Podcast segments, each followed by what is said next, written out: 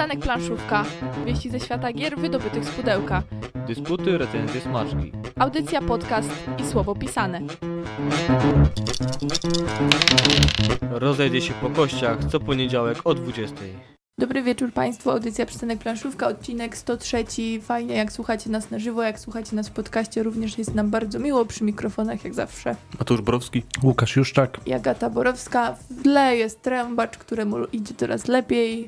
Jak jesteście z nami dłużej, to już wiecie o co chodzi. Jak nie wiecie, to zachęcamy, żeby poprzednich podcastów, przynajmniej z tego sezonu, trochę posłuchać. Dziś się przenosimy na chwilę na inny kontynent. E, Będziemy przez chwilę w Japonii, będziemy przez moment w Chinach. Mm, Będzie nam towarzyszyć w tym Lucrum Games i to właśnie ich gry bierzemy dzisiaj na tapetę. Wyspa Kwitnącej Wiśni oraz Panaceum. Jedna trochę starsza, jedna wyszła dość niedawno. My mamy sporo tych gier na półce, które chcielibyśmy Wam pokazać, ale czas ucieka, nowych gier się pojawia sporo, no i tak trzeba ten balans znajdować między tymi nowościami, a tymi, które swój wiek już mają, jeżeli chodzi o rynek wydawniczy, ale przy tym warto, żeby i tak się znalazły. Wczoraj widziałem kwitnącą chyba wiśnie. Czy to co było? Takie ładne pąki miało, takie solidne kwiaty. Ja jestem kiepski z ogrodnictwa. Ale rosło. Rosło Bia koło, białe czy takie... biało-różowe właśnie, koło A. sushi. I tak z klimatem się. To nie, to przy fokusie to chyba nie była tu wiśnia, podejrzewam, wiesz, ale na Ale potrzeby audycji. było. Tak, na potrzeby audycji możemy tak stwierdzić. Fokus Mal to jest taka galeria handlowa dla y, słuchaczy, którzy nie są, nie są bydgoszczanami. Ale wiedzą. faktycznie w Bydgoszczy teraz w ostatnich dwóch, trzech dniach kwiatów się pojawiło na y, różnych krzewach i drzewach owocowych bardzo dużo, także bardzo ładnie to wygląda. To już przynajmniej wiecie, że próbowaliśmy się trochę pogodowo też wstrzelić przy okazji w audycję.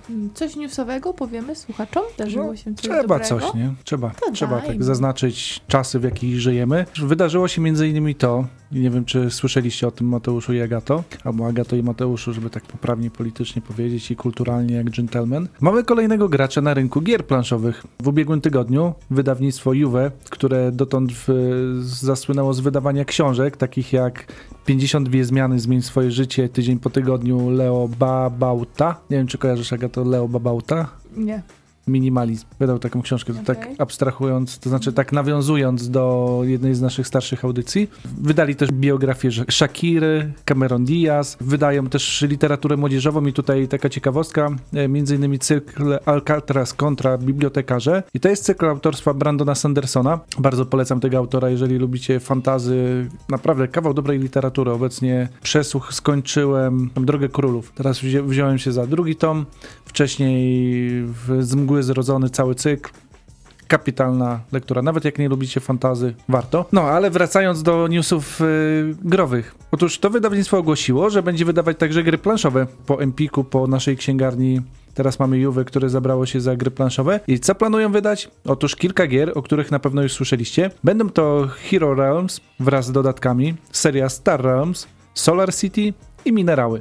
Coś mi mówią te tytuły. Czyżbym je już znała? Właśnie, jeżeli macie jakieś déjà vu, nic dziwnego, wszystkie te tytuły miały być wydane przez Games Factory, które, co by nie mówić, z przytupem zakończyło swoją działalność jakiś czas temu. Niestety nie przejmują oni innych tytułów e, z tego wydawnictwa, zatem ciągle czekamy na informację, czy ktoś odważy się przejąć Dominiona wraz z dodatkami, czy ktoś będzie w stanie podźwignąć geniusz tych pudełek, ale będzie coś, czego Games Factory nie zapowiadało, także Juve planuje coś więcej niż tylko skorzystać z upadku wydawcy. Villagers, czyli karciankę, która podbiła Kickstartera. Polskie wydanie, tutaj ciekawostka, ma zawierać większość od- odblokowanych celów z platformy. Zatem póki co życzymy powodzenia, czekamy na pierwsze premiery i zapowiedzi nowe. U nas chyba już zawsze będzie się uśmiech pojawiał, jeżeli ta nazwa padnie na audycji, bo Juve to już widziałam też po Mateuszu. Kojarzy nam się z mongolskim rokiem, który kiedyś przyniosłeś. The Who.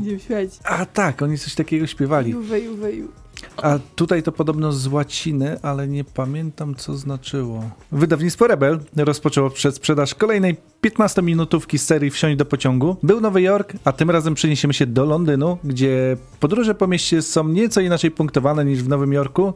Nowością na tej mapie będzie punktowanie dzielnic, w których starać się będziemy połączyć wszystkie destynacje w jej obrębie. Z kolei, jeżeli lubicie Katan, grę, którą recenzowaliśmy w tym, w tym sezonie, e, Nie, na koniec poprzedniego. na koniec poprzedniego? A, to tak blisko tego. W każdym razie recenzowaliśmy także i my, także i my zagraliśmy w Katana, zatem możemy ruszyć na eliminację do Mistrzostw Polski w grę Katan. Rozpoczną się one już 25 kwietnia i potrwają do 15 września. I dlaczego warto wziąć w nich udział? Ponieważ są przepustką do finału, który odbędzie się jesienią, a na zwycięzcę oraz osobę, która zajmie drugie miejsce, czeka bilet uprawniający do udziału w Mistrzostwach Europy w Katan. Te mistrzostwa odbędą się z kolei jesienią w Holandii.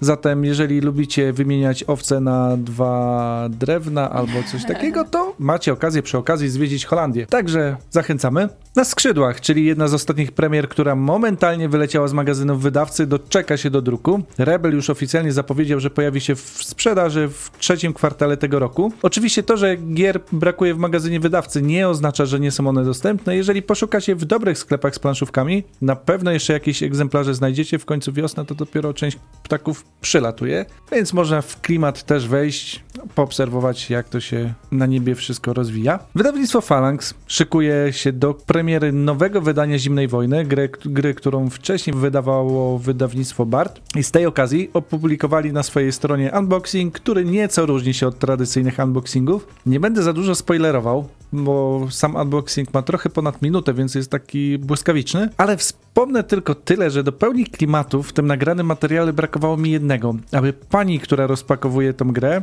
i ma paznokcie pomalowane na czerwono, miała paznokcie prawej ręki pomalowane na niebieskie, na niebiesko, bo idealnie by pasowało to do podziału stron na planszy. Czerwony, niebieski, dwie strony konfliktu. A jeżeli chodzi o samą grę, premiera Zimnej Wojny już niebawem, ponieważ 11 kwietnia. Zatem jeszcze na zająca można się zaopatrzyć. Nasza księgarnia.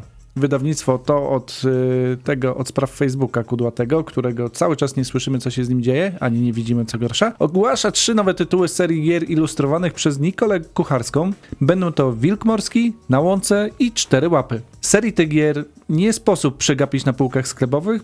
Jest to m.in. zasługa bardzo charakterystycznych okładek stworzonych przez panią Kucharską. Czekamy zatem na wieści, co w tych pudłach nas czeka, co za autorzy mm, stoją za, za tymi grami. No i w ogóle czekamy na te kolejne gry.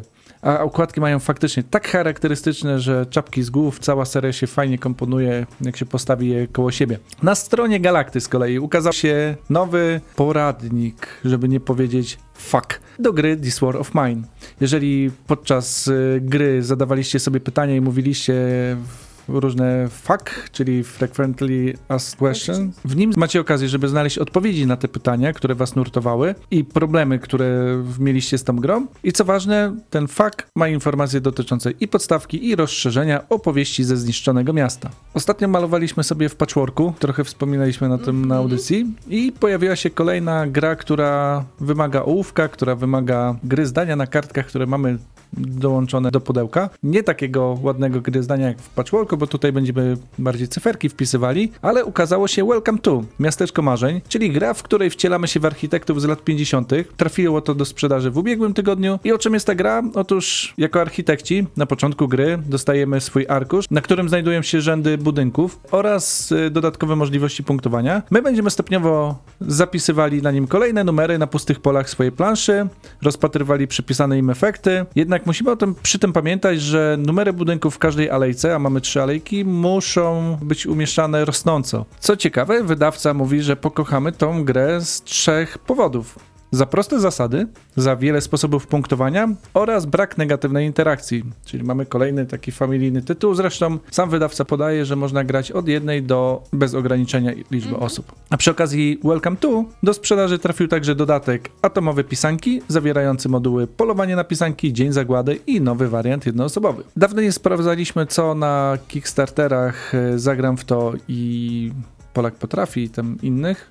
W sumie nie spojrzałem antyszczepionkowców. To pokazuje, jaki mam jakąś taką wewnętrzną awersję tej, do się tej gry. ufundowali. Znaczy, to się bardzo szybko ufundowali, No. o dziwo, ale nie wiem, jak się zakończyła kampania. Natomiast wiem, że kolejna gra ufundowała się na platformie Zagram w to. Jest nią Glory, A Game of Knights, w której wcielamy się w rycerza walczącego o sławę w turniejach XV-wiecznej Europy. I z racji, że gra już osiągnęła minimalny próg wsparcia, obecnie trwa walka o dodatkowe cele. Na pewno pojawią się grubsze kości, król Jagiełło, tryb solo, dodatkowe 9 kości, tak aby każdy gracz mógł mieć e, własny zestaw, e, a walka o kolejne cele trwa, także kto chce w średniowieczne klimaty wejść, zachęcamy.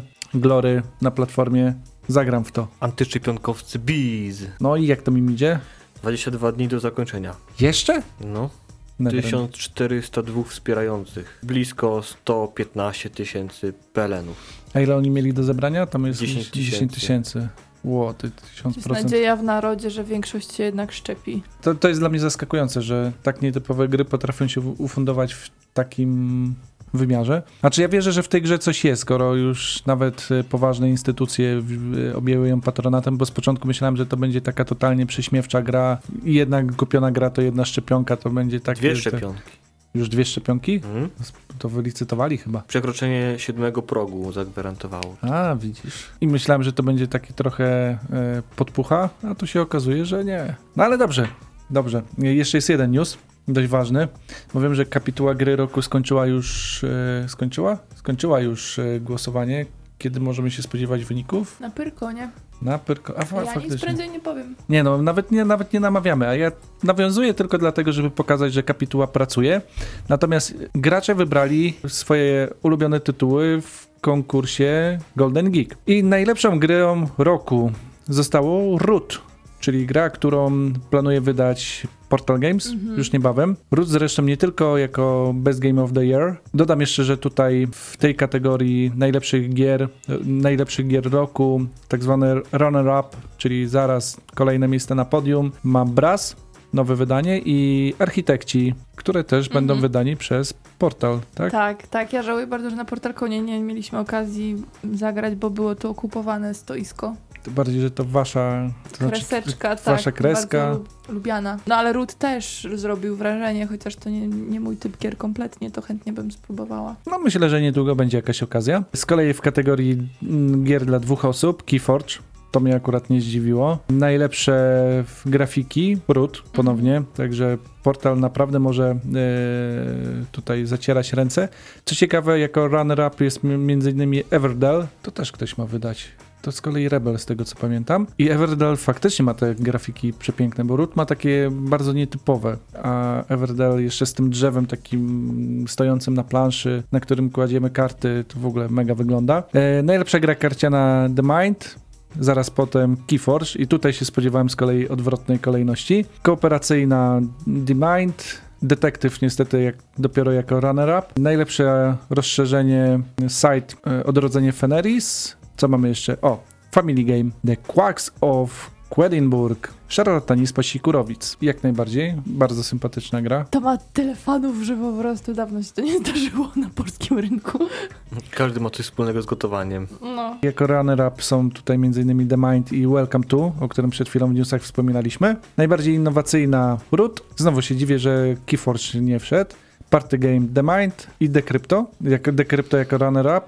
Co jeszcze tutaj mamy? I strategi- gra strategiczna Brass, a jako runner-upy Root i Teotihuacan.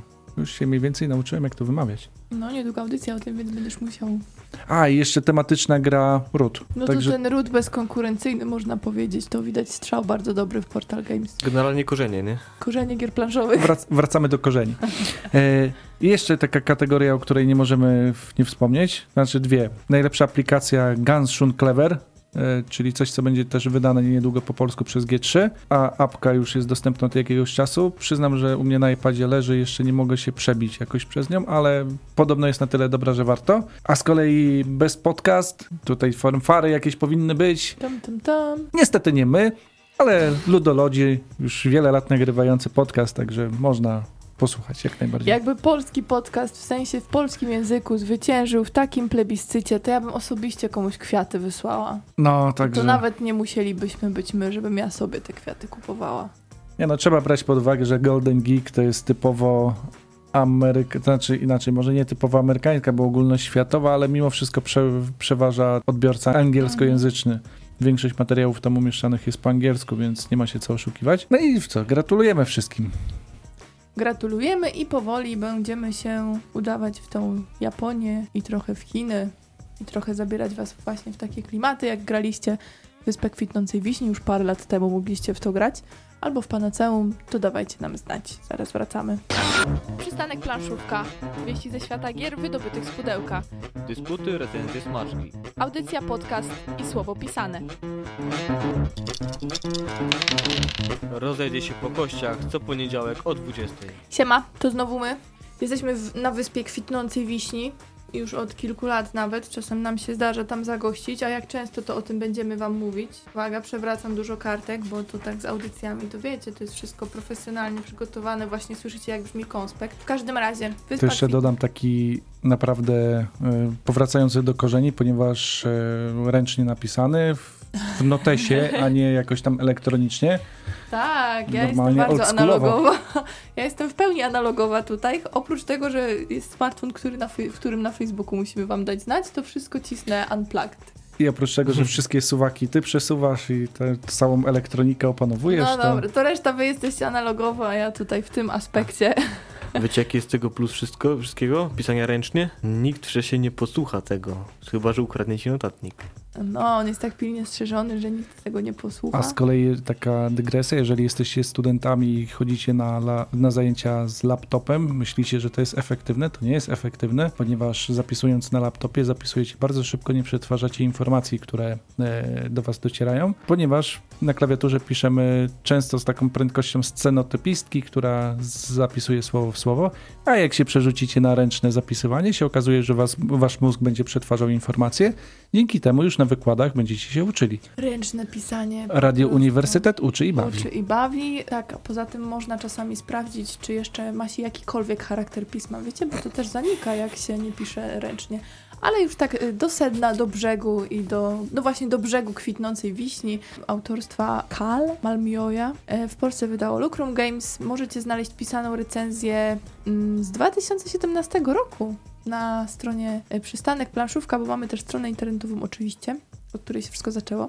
W pudełku czeka nas 40, na nas 40 kostek zasobów, 6 kart początkowych, 60 kart architektów ponumerowanych od 1 do 60 i one są na takie małe kwadraty podzielone. Na każdym jest 6 takich kwadratów, które są kwartałami nazwane. E, mamy 8 kart specjalnego punktowania. One są wykorzystywane w, w zależności od tego, jak my chcemy, albo losujemy sobie, albo wybieramy na daną rozgrywkę. Mamy 5 kart kolejności graczy, do tego chyba tłumaczyć nie muszę. 5 kart podsumowywania punktacji i mały notesik do zapisywania wyników. Taki klasyczny, jak to w grach takich bywa. Gramy 12 rund. Tworzymy projekty, które mają zachwycić cesarza Japonii, a wygra kto? Kto zgromadzi najwięcej punktów zwycięstwa. Bardzo zaskakujący koniec gry. I podczas gry każdy będzie tworzył projekt zabudowy Honshu. Myślę, że Honshu się czyta poprawnie, ale jako, że jestem Polką i zmiękczam S, to pozwólcie, że ja będę Honshu mówiła przez całą audycję. I tworzymy taki projekt korzystając z kart architektów, na których są widoczne lasy, jeziora, fabryki, miasta, czyli te kwartały wspomniane przeze mnie wcześniej. Zdobywanie kart oparte jest na prostej mechanice i wygląda to tak, że każdy gracz zagrywa jedną kartę z ręki, a ich wartości decydują o tym, kto będzie pierwszy wybi- wybierał nowy teren do swojego projektu i będziemy wybierali z, z tego, co inni gracze wyłożyli. Możemy też wybrać swój. I co ważne, mamy możliwość podwyższenia karty o 60, jeśli położymy przy niej kartę zasobów, więc jeżeli wiemy, że bardzo nam na tym zależy, abyśmy pierwsi wybierali kartę, bo na przykład ta nasza nam się bardzo podoba, to to jest dobry czas, żeby wyłożyć właśnie taką kostkę zasobów. Te kostki zasobów są e, na niektórych kartach e, gratisowo dodawane, jeżeli mamy tam taki określony kwadracik. I pewnie to nikogo nie zdziwi, kto zagrał kartę o najwyższej wartości z tym ewentualnym zasobem otrzymuje kartę z numerem 1 i jako pierwszy zadecyduje, którą kartę dołączy do swojego projektu. Tutaj przy graczach dwóch, przy duecie, to myślę, że nie musi być stosowane, ale może. Nie wiem nawet jak w instrukcji jest napisane. Oni każą, czy nie każą, zalecają, czy nie zalecają, możecie Nie sobie musisz wybrać. tego brać. Tak, i w następnej rundzie taka osoba jako pierwsza wyłoży swoją kartę awersem do góry. Ja już chyba właśnie wtedy już pisałam, że można się pokusić o, o brak, o, gra, o grę bez tych kart, które wyznaczają kolejność, bo czasami mi się wydaje, że to trochę chaosu nam robiło, jak graliśmy więcej osób, ale to o tym jeszcze e, powiemy. No i jeżeli już wybierzemy sobie te karty, to dochodzi do tego procesu projektowania Tutaj będzie pewnie najciekawiej, zaczyna się inwencja twórcza. Każdy gra według określonych zasad musi dodać nową kartę architekta do swojego projektu. I teraz jak te zasady wyglądają? Co najmniej jeden kwartał nowej karty musi zakryć lub zostać zakryty przez przynajmniej jeden kwartał na projekcie, czyli te karty muszą być ze sobą połączone, dotykać się i to nie tylko brzeżkami. Nie brzmi to skomplikowanie, ale jak nie otrzymamy tej karty, którą chcieliśmy zdobyć, to trzeba będzie pogłówkować, żeby te punkty nam się na koniec zgadzały. Warto dodać, że jeśli chodzi o połączenia, nakładania jednej karty na drugą, to wyjątkiem będą jeziora, które nie mogą być zakrywane i tutaj dość logicznie to wszystko brzmi. I z takich mechanicznych spraw to chyba jeszcze warto powiedzieć o tym, że wprowadzono do, do wyspy kwitnącej wiś, wiśni draft. Po trzeciej i po szóstej rundzie gracze wymieniają się kartami i to chyba motywuje do tego, żeby te łupy, które są dla nas ważne, czym prędzej spożytkować, ale to już jest taktyka, jak kto e, chce. I po ostatniej rundzie każdy z uczestniczących w rozgrywce otrzymuje punkty za obszary, jakie stworzył w trakcie gry. Następuje również rozliczanie fabryk, i tutaj na przykład za miasta punktujemy za jeden kwartał. To największe miasto bierzemy pod uwagę. Za jezioro punktujemy, ale tylko jeżeli wokół są też inne kwartały z jeziorami. I potem te fabryki, które fajnie nam mnożą czasami niektóre zasoby. Jak korzystamy z tych dodatkowych kart specjalnego punktowania, to też trzeba pamiętać, aby je rozliczyć. I to by było na tyle, jeśli chodzi o zasady, więc wszystko wygląda dosyć prosto. A czy tak jest w praktyce? To może jakiś męski głos tutaj już wiedzie. W praktyce bywa różnie ciężko i podłużnie, szczególnie jeśli trafiają nam się karty, które są dość suche. Dosłownie suche. Dosłownie suche, są to nieużytki, nieużytki nam nic nie dają, chyba że mamy kartę specjalną, która za każde takie cztery kwartały złożone razem w kwadrat dają nam dodatkowe punkty. Więc suchość ma swoją, swoje zalety w tej grze, ale tylko pod pewnymi warunkami. Będziemy dążyć do tego, żeby jak najwięcej obszarów ze sobą połączyć, tak na logikę i nie zakrywać tych wartościowych, bo czasami będziemy musieli decydować się, żeby coś poświęcić, gdyż nie ułożymy tak karty, żeby mieć wszystkie benefity, na przykład i fabrykę i mieć tą jakąś e, kopalnię, która nam wydobędzie do tego specjalne zasoby, gdzie potem na koniec gry powiedzmy dorzucimy to do fabryki i dostaniemy ekstra punkty. Tak, to prawda. Ja też miałam wrażenie, szczególnie ostatnio, jak sobie tą grę odświeżaliśmy, żeby wam opowiedzieć na audycji o tym, że to jest ciągle wybór, nie że mniejszego zła, ale takiego właśnie przeliczenia też sobie, gdzie ja tego nie lubię w grach bardzo, to ta wiśnia mnie zmusza do tego, żebym jednak liczyła. Sztuka kompromisu taka. Tutaj Tak. często nie idzie zachować e, wszystkich dóbr z karty. Szczególnie zauważyłem, że przeszkadzają te suche pola, żółte, takie wypalone, które są po środku karty. No one się przydają tylko na końcu przy ewentualnych remisach. Ale raczej do tego nie dążymy.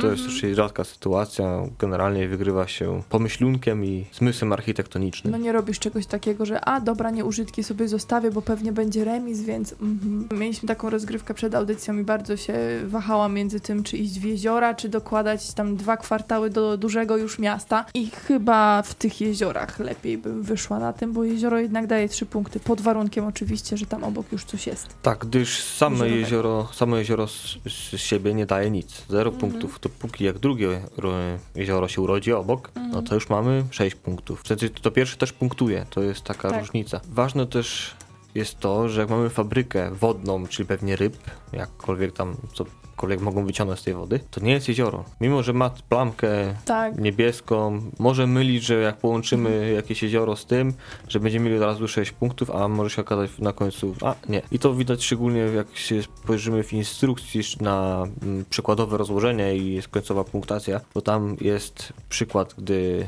są dwa jeziora i w jednym właśnie jeziorze nie jest punktowane, a jak przyjrzymy się ilustracji, to faktycznie jest koło tego to oczko wodne, gdzie wyciąga się ryby i niestety nie zostało zapunktowane, czyli to jezioro było policzone 0 punktów. Powiem ci, że ja dzisiaj miałam jeszcze taką sytuację, że pomieszały mi się gry na tej zasadzie, że mówię, aha, lasy. Lasy pewnie będą punktować, jak będą blisko miasta, a potem, nie, to chyba był kapital. Odbudowa Warszawy. No tak, Warszawa, a Honshu, no może są bilety lotnicze. Ale No. do tego doprowadza to, jak wiecie, trochę gier, jakby się, no nie chcę tego mówić, jakby się przemie, przemieliło tych gier, bo to też nie brzmi tak za fajnie, jak my tu wam mówimy o cieszeniu się chwilą, graniu ileś razy w planszówki i tak dalej, no ale nie oszukujmy się, trochę tych tytułów przybywa i jest ta ciekawość, żeby próbować innych, nowych i potem do takich sytuacji dochodzi. Kapital był potem, najpierw była wyspa. Tak, dochodzi, bo to są obydwie gry o projektowaniu i tak samo mamy to Honshu całe, które wygląda dość nowocześnie w sumie na tych kartach, mimo Mhm. patrząc te budynki. Jak samo na Warszawę, e, obydwie te gry mają, wiadomo, kafelki w jakimś tam sensie. Karty są podzielone na sześć takich sekcji. W obydwie Warszawie mieliśmy duże kafle i tak samo było zależne od siebie, co gdzie leży. Szczególnie w Warszawie na minus było, jeśli tam fabryka, koło miasta, i ludzie nie lubią smogu, mówię, to do dzisiaj się sprawdza, więc Honshu jest bardziej chyba świeże powietrze, jest bardziej klimatycznie. Bardziej pro, jeśli chodzi o naturę. Jeśli już jesteśmy przy skojarzeniach, to ja powiem o takiej jeszcze wcześniejszej grze Lucrum Games. Pewnie pamiętacie gra ze śliwką na okładce i liczbą piftle. I to wyznaczanie kolejności, tak mi się bardzo kojarzyło. No a jeśli chodzi już o ten teren, no to wiadomo, wszelkie gry, w których właśnie projektujemy, czyli wspomniany Capital, czy, czy King Domino chociażby, chociaż tam trochę inaczej to wygląda. No już gdzieś też skojarzenia cały czas chodzą, ale mimo to ta Wyspa Kwitnącej Wiśni ma kilka takich zagrywek, które można z powodzeniem e, nazwać oryginalnymi, powiedzmy.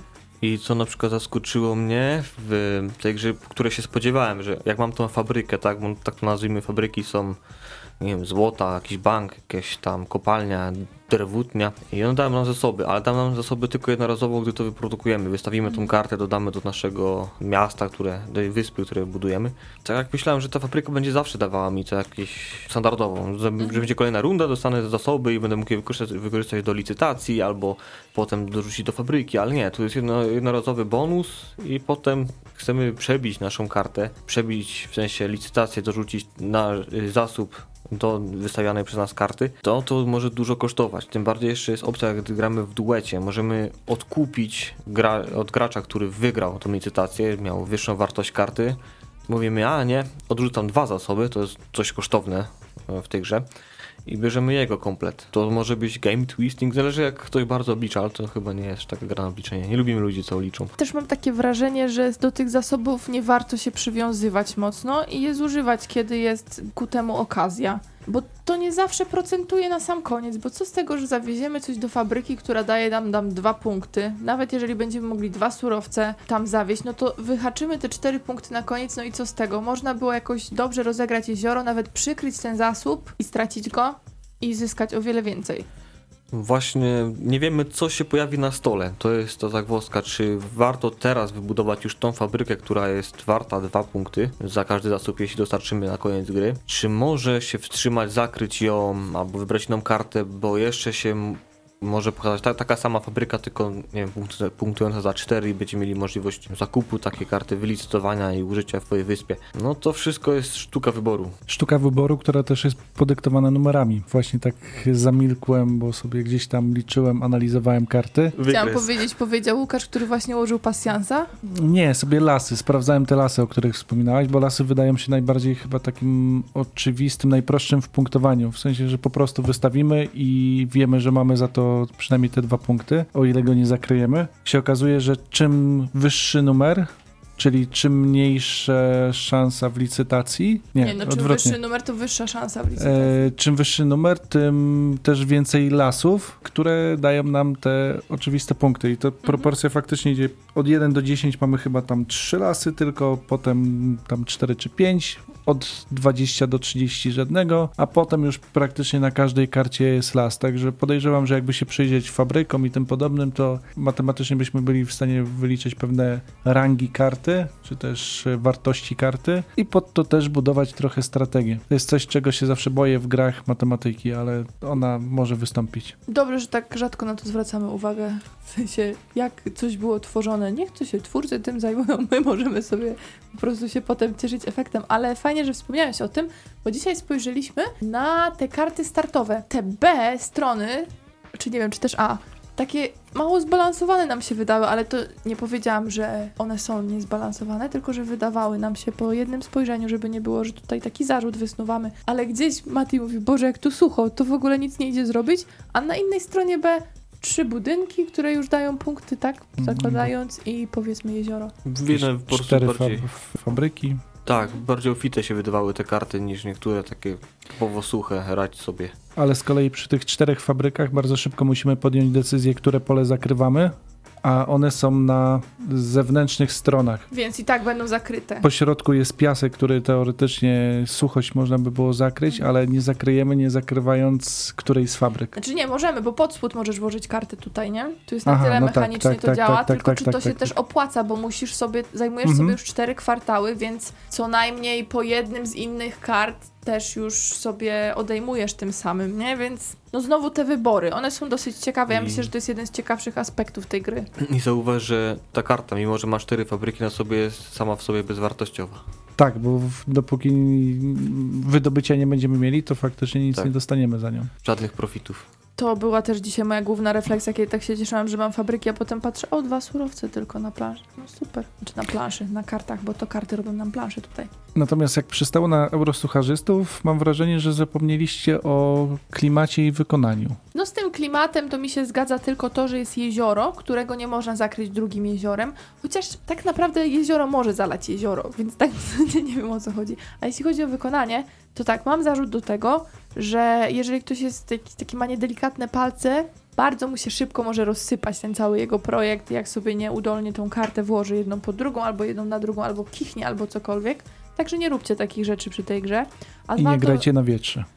no, zdecydowanie nie, nawet jak to będzie mm, karta w koszulce. No i ta wypraska to też tam szału nie robi, ale chyba Ale- cenowo nie jest ta gra jakoś mega wystrzelona w kosmos, więc wiecie, spoko. Wypraska show niby nie robi, ale jest na tyle luźna, że możemy wrzucić karty w koszulki i coś się zmieszczą, a to czasami Mhm. nie jest oczywiste. No i też, Tak. nie, wiesz, nie, nie hula tam wiatr, czyli po prostu wiesz, że kupujesz sobie w miarę kompaktową grę, którą możesz wyciągnąć, komuś pokazać, a ona ci przy tym nie zajmuje połowy miejsca na półce. Także w porządku to jest, bo najgorzej jak gra trwa pół godziny, a zajmuje po prostu pół regału. I sama szata graficzna kart, nie wiem, dla mnie to by mogło być każde miasto. No właśnie, ja przyznaję, że Japonii w tym widzę tyle, co kot napłakał. Owszem, tyły kart, tak? Mm. Rewersy mamy, ładną górę, czyli pewnie Fuji. No i reszta, jak patrzę na to, co jest wyłożone na stole, przepraszam, że to powiem, ale ta gra dla mnie jest brzydka. No spoko. Taka Opinia. wisienka na No torcie, jasne. nie? Gra jest brzydka. Spoko, no może się nie podobać, akurat mi tam ani ziębi, ani grzeje w tym klimacie, ale mi- faktycznie może mogłaby być Przypomina stare gry komputerowe ala SimCity, ta, ta prostota grafik, ale te stare, stare. Albo jakieś Pokemony, rzut od góry, chodzisz po takich, Mhm. coś takiego, Tak, nie? tak, tak. W sumie okładka coś innego zapowiada, nie? Bo tam okładka bardzo ładnie jest zilustrowane, wszystko. Ale w ogóle ciekawostka. Osi Hekala. Tak, bo wspomniałeś, że jak przystało na autora gry, tak jakbyś zasugerowała, że może to jest Japończyk. E, e. Tutaj ciekawostka to jest Fin. Fin i Wyspa Kwitnącej Wiśni. Tak. Przecież on to mógł też w jakichś finlandzkich klimatach osadzić i to by była promocja tego kraju. Jakieś fiordy, coś. Też się zdziwiłem, jak zobaczyłem właśnie na BGG informacje o nim. Oczywiście nie ma ich e, zbyt wiele. Wiemy, że mieszka w Helsinkach. E, Jest urodzony w 82 roku, więc całkiem młody. No nie? całkiem młody, faktycznie. Całkiem- całkiem Mogę ci młody. potwierdzić, żeby ci było miło. Ale starszy ode mnie. E, W każdym razie wydał też drugą grę z tej serii, Hokkaido. Mhm. z nieco zmienionymi zasadami. Nie trzeba grać z licytacją, ale można. Jest tutaj bardziej draft, y, dodatkowe zasady z kostkami, które, znaczy kostkami w sensie kostkami surowców. Co tam jeszcze było? A o, nowy teren się pojawia, góry, także jakieś kosmetyczne zmiany wprowadził. Mhm. Ale wracając do klimatu, no to jest tak suche, że normalnie wow. A tego, ja tego nie szukałam. Ale trochę szkoda, mam wrażenie, bo ta gra tak jakby na nią popatrzeć rozłożoną, Mhm. to trochę traci przez to. Znaczy w zalewie po prostu ładnych tytułów. Bo No, chociażby wspomniałaś dzisiaj wiadomo, o Panaceum, no. tak? Które No ale co, e, Panaceum jest ładne? No zaraz do tego dojdziemy właśnie, ale podoba ci się bardziej, tak? no ma przynajmniej taki bardziej klimat Japonii, czy tam Chin zachowany, tak? No, E, Chin, nawet nie wiesz, czy Chin, czy Japonii No widzisz. dobra, ci od herbaty, no. Skośne oczy i tak dalej, parasolki. Jako kulturoznawca nie mogę się zgodzić na takie rzeczy. Ja zauważyłem, jeśli mogę tak y, Oczywiście. nawiązać, Panaceum są kolory pastelowe. Wow, Z tych 16 kolorów, Wow. które rozróżniam, to wiem, że to jest pastelowe. ale tutaj poszedł rozwój, powiem wam, to dzięki tym planszówkom. W każdym razie, jak już doszliśmy do Panaceum, które ma bardzo przyjemną y, nazwę, zapowiadającą, że zaraz będzie jakaś ulga. Wy będziecie mieli ulgę za 15 minut, kiedy to się skończy. W Panaceum gracze wcielają się w rolę zielarzy i oni się będą prześcigać, to odkryje składniki, z których się właśnie to panaceum na epidemię składa. Już nie będziemy wam dużo mówić może o zasadach, bo y, czas nas goni. Oczywiście zaraz przytoczę trochę, ale zaznaczę najpierw. My poznawaliśmy tą grę o pierwszej w nocy. Jak się okazało, że to jest dedukcja, bo jest to dedukcja, to powiem wam było grubo. Gra składa się z sześciu rund i gracze będą zbierać punktów zwycięstwa. Znajdziecie instrukcje, znaczniki zielarzy, jest ich czterech znaczniki panaceów i 14 składników, te pastelowe, o których Mateusz wspomniał. One nie są tutaj chyba opisane, są na rysunkach. Każdy z graczy będzie miał znacznik zielarza, znacznik panaceum i będzie w trakcie próbował odgadnąć, jakie składniki zostały ukryte pod y, taką kartą tajemniczą, powiedzmy. I będziemy to robić właśnie na zasadzie otrzymywania odpowiedzi od innych graczy. Będą cztery akcje do zrobienia. W zasadzie możemy sobie wybrać jedną z nich. Albo diagnozowanie, albo ważenie, albo zbieranie, albo wymiana składników. I wszystko tak wygląda, że po prostu wykonujemy akcję, na przykład dając przeciwnikowi dwie karty zielone, w zamian, w zależności od tego, jaka jest akcja, musi on nam albo oddać te wszystkie zielone, poszerzone o te zielone, które on ma, albo na przykład w przeciwnym kolorze i tak dalej, i tak dalej, w zależności od akcji. To wszystko skutkuje tym, że po pierwsze trzeba pamiętać, co było Właśnie, pamiętać. niezapisywanie.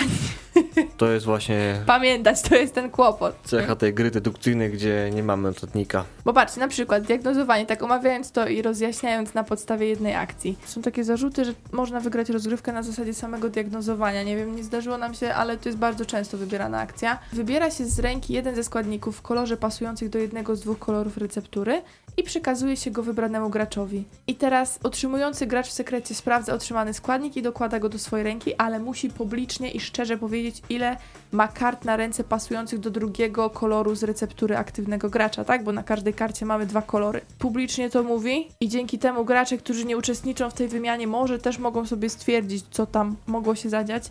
Ale to jest, wiecie, trochę takie wróżenie z fusów, nie? Tak naprawdę. Wymiana wybiera się z ręki jeden ze składników w kolorze pasujących do jednego z dwóch kolorów receptury, więc na przykład masz zielony i czerwony i dajesz wszystkie te zielone i przekazuje się go graczowi wybranemu. I teraz otrzymujący gracz sprawdza otrzymany składnik, dokłada go do swojej ręki, a musi przekazać aktywnemu graczowi wszystkie karty pasujące do drugiego koloru z receptury. Więc te akcje wszystkie, jak opowiadam o tym w radiu, na pewno będą brzmiały dla Was podobnie, dlatego też chciałam tego uniknąć, ale robi to różnicę i warto sobie te akcje dobierać do tego, czego aktualnie ym, potrzebujemy, więc gra wymaga też od nas dostosowania sobie tej akcji do, do naszego zwycięstwa. I to jest ciężkie o pierwszej nocy. Potem już jest lepiej na pewno. I jest ta gra bardziej klimatyczna, chińska, japońska, jakkolwiek, niż tworzenie domków. A może to jest szukanie panaceum już wybudowanym mieście, które jest w Honshu. Ja nie wiem, ale powiem wam, że mi przy takich grach ta dedukcja tak mocno, żeby nie mówić kolokwialnie ryjebanie, tylko tak mocno wysila moje komórki mózgowe, że ja się nie zastanawiam, czy tam jest klimat. No może w dochodzeniu na przykład, też od Lukrum zresztą, no to tam też masz niby dedukcję, no ale ten klimat jakoś się bardziej przebija, a tutaj jesteś tak skoncentrowany na tym, żeby pamiętać co, gdzie, kiedy, jaki kolor, że ja nie myślę, czy to jest kwiatek, czy ty jesteś zielarzem, choć fajnie jakbyś był. Ja przy takich grach się pocę, bo muszę dużo zmiennych zapamiętać w głowie, a już mam starą głowę i już nie pamiętam na nowo. Dlatego czasem się przydaje coś, co nazywa się intuicją. Czyli tam strzelać. No. No, Masz strzelać, tak. Tak. to wygląda. Bo też y, jedną z akcji jest to, że my stwierdzamy, że kładziemy znacznik panaceum na wybranej recepturze i mówimy, że tutaj to jest to i to, a gracze inni mogą się albo zgodzić, albo się nie zgodzić i stwierdzić, że jest to coś innego. I zapunktować. My tracimy punkty, jeżeli strzelimy sobie w kolano i strzelimy źle, to niestety będą minu- minusiki tutaj, także nie ma tak, że przez dedukcję, która nie zakończyła się sukcesem, my nie będziemy cierpieć, bo będziemy. Dlatego trzeba mieć pewność. Ale można się podliczać i stwierdzić, że my też wiemy. Jak ktoś już wie lepiej niż byłoby odważny i stwierdzi. stwierdzi- Pierwszy stwierdził, że wie, to my Mhm. też będziemy, że tak, my też wiemy i potem się wszyscy możemy razem pomylić. W sumie racja. A myślicie, że pan Eroslin i Liu Xiao są y, Chińczykami, czy też Finami na przykład? Bo oni są autorami tej gry. no zaraz Gdzie zrobili szybki research, research, to byłoby ekstra. Ilustrację na przykład zrobił pan y, Steven Sai, Seagal. Steven Seagal. No nie wiem, chłopakom się bardziej podoba Panaceum, no to dobra. No nie wiem, Mateusz, jak patrzysz... No tam nie wiem, mi się chyba ani jedna, ani druga mnie nie grzeje. Jeśli w tych klimatach ziołowych, kwitnienia wiosny, Wyspy Młyńskiej czy tam Honsiu. Bardziej podoba mi się jednak Panaceum z racji, że rozpoznałem kolory. No racja, przecież w Wyspie Kwitnącej Wiśni na planszy nie ma nic kwitnącego tam. No, Znaczy, Dopiero teraz jest Są tam te kwiatki sprawa, w punktacji. Nie wiem, czy zwróciłaś uwagę, że to są kwiatki? Pewnie nie. Tak, zwróciłam A, akurat, no ale no, nie na tyle, żeby faktycznie to przybiło tutaj. Nawet zostały w jednej sekcji na instrukcji opisane, że to, te zasoby jednak mają jakąś nazwę. Generalnie są używane jako żółte kostki brązowe i tak jest to opisane i na przykładzie też. W jednej sekcji zostało to opisane, więc jest drewutnia, więc mamy kamieniołom i te żółte kostki, które ja nazywałem złotem, są faktycznie polami. Ma trochę klimatu. No ale tak sobie myślę, że co my zrobiliśmy? Tak naprawdę wzięliśmy dwie gry, które osadziliśmy powiedzmy gdzieś tam blisko siebie ze względu na klimat i się okazuje, że tego klimatu nie ma. No, no I właśnie, wydawnictwo. tak, no. właśnie instrukcja to spłaszcza. Żółtą kostkę do żółtej fabryki. Za trzy kwiatki. Ale w Mhm. Panaceu możemy mieć nadzieję, że przynajmniej autor wie, jaki jest klimat w tamtym rejonie, ponieważ e, pan Liu jest Chińczykiem, Mhm. a pan Eros na Tajwanie mieszka. No dobra, to tutaj już będzie bliżej, ale jeśli lubicie gry dedukcyjne, to ja Panaceum z czystym sumieniem polecam, bo mnie po prostu zmiażdżyła ta gra już kilka razy, ale ta intuicja, o której wspomniał Łukasz, też ma prawo bytu tam. Bo tak też mi się kiedyś udało wy wygrać. Oczywiście nie za każdym razem, bo niestety wiele razy właśnie pokutowałam przez takie dziwne, szybkie starty i fal starty i trzeba było te punkty oddawać. 6 punktów zwycięstwa należy zgromadzić, e, żeby wygrać. Jak lubicie grać w gry dedukcyjne albo macie osoby, które lubią właśnie w ten sposób sobie pogłówkować, to myślę, że to będzie bardzo dobry wybór i na pewno bardziej polecam niż Wyspę Kwitnącej Wiśni, która będzie taką układanką też na złapanie sobie zen i tak dalej, co może się w pewnych kręgach spodobać, ale klimatu nie szukajcie w żadnej moim zdaniem. A może takie dziwne porównanie, ale jakbyś miała wybierać gry dedukcyjne, bo do alchemików no na pewno nie możemy porównać, bo to zupełnie inna półka, w sensie nawet ciężar trudności, poziom, no. ale Panaceum czy Sherlock? Mówię o tym Sherlocku od grany tym małym. małym. No, Sherlock jest na pewno przyjemniejszy trochę. Mniej wysiłku muszę chyba w niego włożyć. Jakoś tak prościej mi w tym wszystkim. Czyli szło. No bardziej i troszkę Tak, i więcej klimatu na pewno. No, więcej klimatu bym w tym znalazła. Więc, więc tak, więc Sherlock, jeśli takie porównania dedukcyjne tutaj ma być. Ale to dlatego, bo byłoby mi prościej, więc to jest na zasadzie, wiesz, pierwszego wyboru, żeby się nie zmęczyć, nie? Wydaje się bardziej intuicyjny Sherlock. Mamy ten klimat detektywistyczny, wiemy, że czegoś szukamy konkretnie, a tutaj szukamy czegoś, co nas uleczy. Tak, zresztą tam sobie wykreślasz też w Sherlocku i to jest prostsze. Tak, A to tutaj prawda, mamy pamiętać notesik. w głowie, że ktoś ci dał ileś tam kart i gdzieś w tych mózgowych swoich półeczkach musisz odkładać te informacje. No jest bardziej wymagające moim zdaniem. To co? Podsumowanie było, można powiedzieć. Y, Ja polecam, żeby spróbować obie gry. Mm, Może nie kupować w ciemno, natomiast y, do spróbowania jak najbardziej. Chyba, że dedukcji nie lubicie, to Panaceum od razu odpada, bo tam próżno szukać jakiejś większej akcji. Jeśli chodzi o takie docieranie do, do czegoś, to jest to bardzo miło skonstruowane, nawet jak ktoś wybiera tylko jedną akcję, żeby do tego dotrzeć. Ja z kolei poleciłbym bardziej chyba Wyspę Kwitnącej Wyspy, gdyż w świecie... Wyspę Kwitnącej Wyspy. Wyspę... Wyspę Kwitnącej Wyspy, Wiśni, gdyż Panaceum jest taką grą dedukcyjną, powiedzmy, że przyjemną, tylko jak nie ma notatnika i mam co zapamiętać, to jednak dla mnie jest zbyt ciężkie. Jest przyjemne, tylko się męczę. Tak, za dużo zasłużyłam zasobów myślowych, a czasami wolę większą, prostszą rozgrywkę, tak jak, jak otwieram coś takiego malutkiego. A z kolei Wyspa Kwitnącej Wiśni daje też całkiem, całkiem elegancką rozgrywkę i daje też dużą regrywalność, chociażby z tymi kartami specjalnego punktowania. Czyli jak masz nad czymś myśleć, to niech to już będzie w dużym pudle, potężne i tak dalej. Jak małe pudełko, to ja chcę się bawić dobrze. Ja chcę się, tak, ja chcę się pocić w- przy dużych grach. Ale z kolei tu można się spocić mocno przy aspekcie przestrzennym, co zakryć, jak ułożyć, żeby nie zakryć tego, co chcę.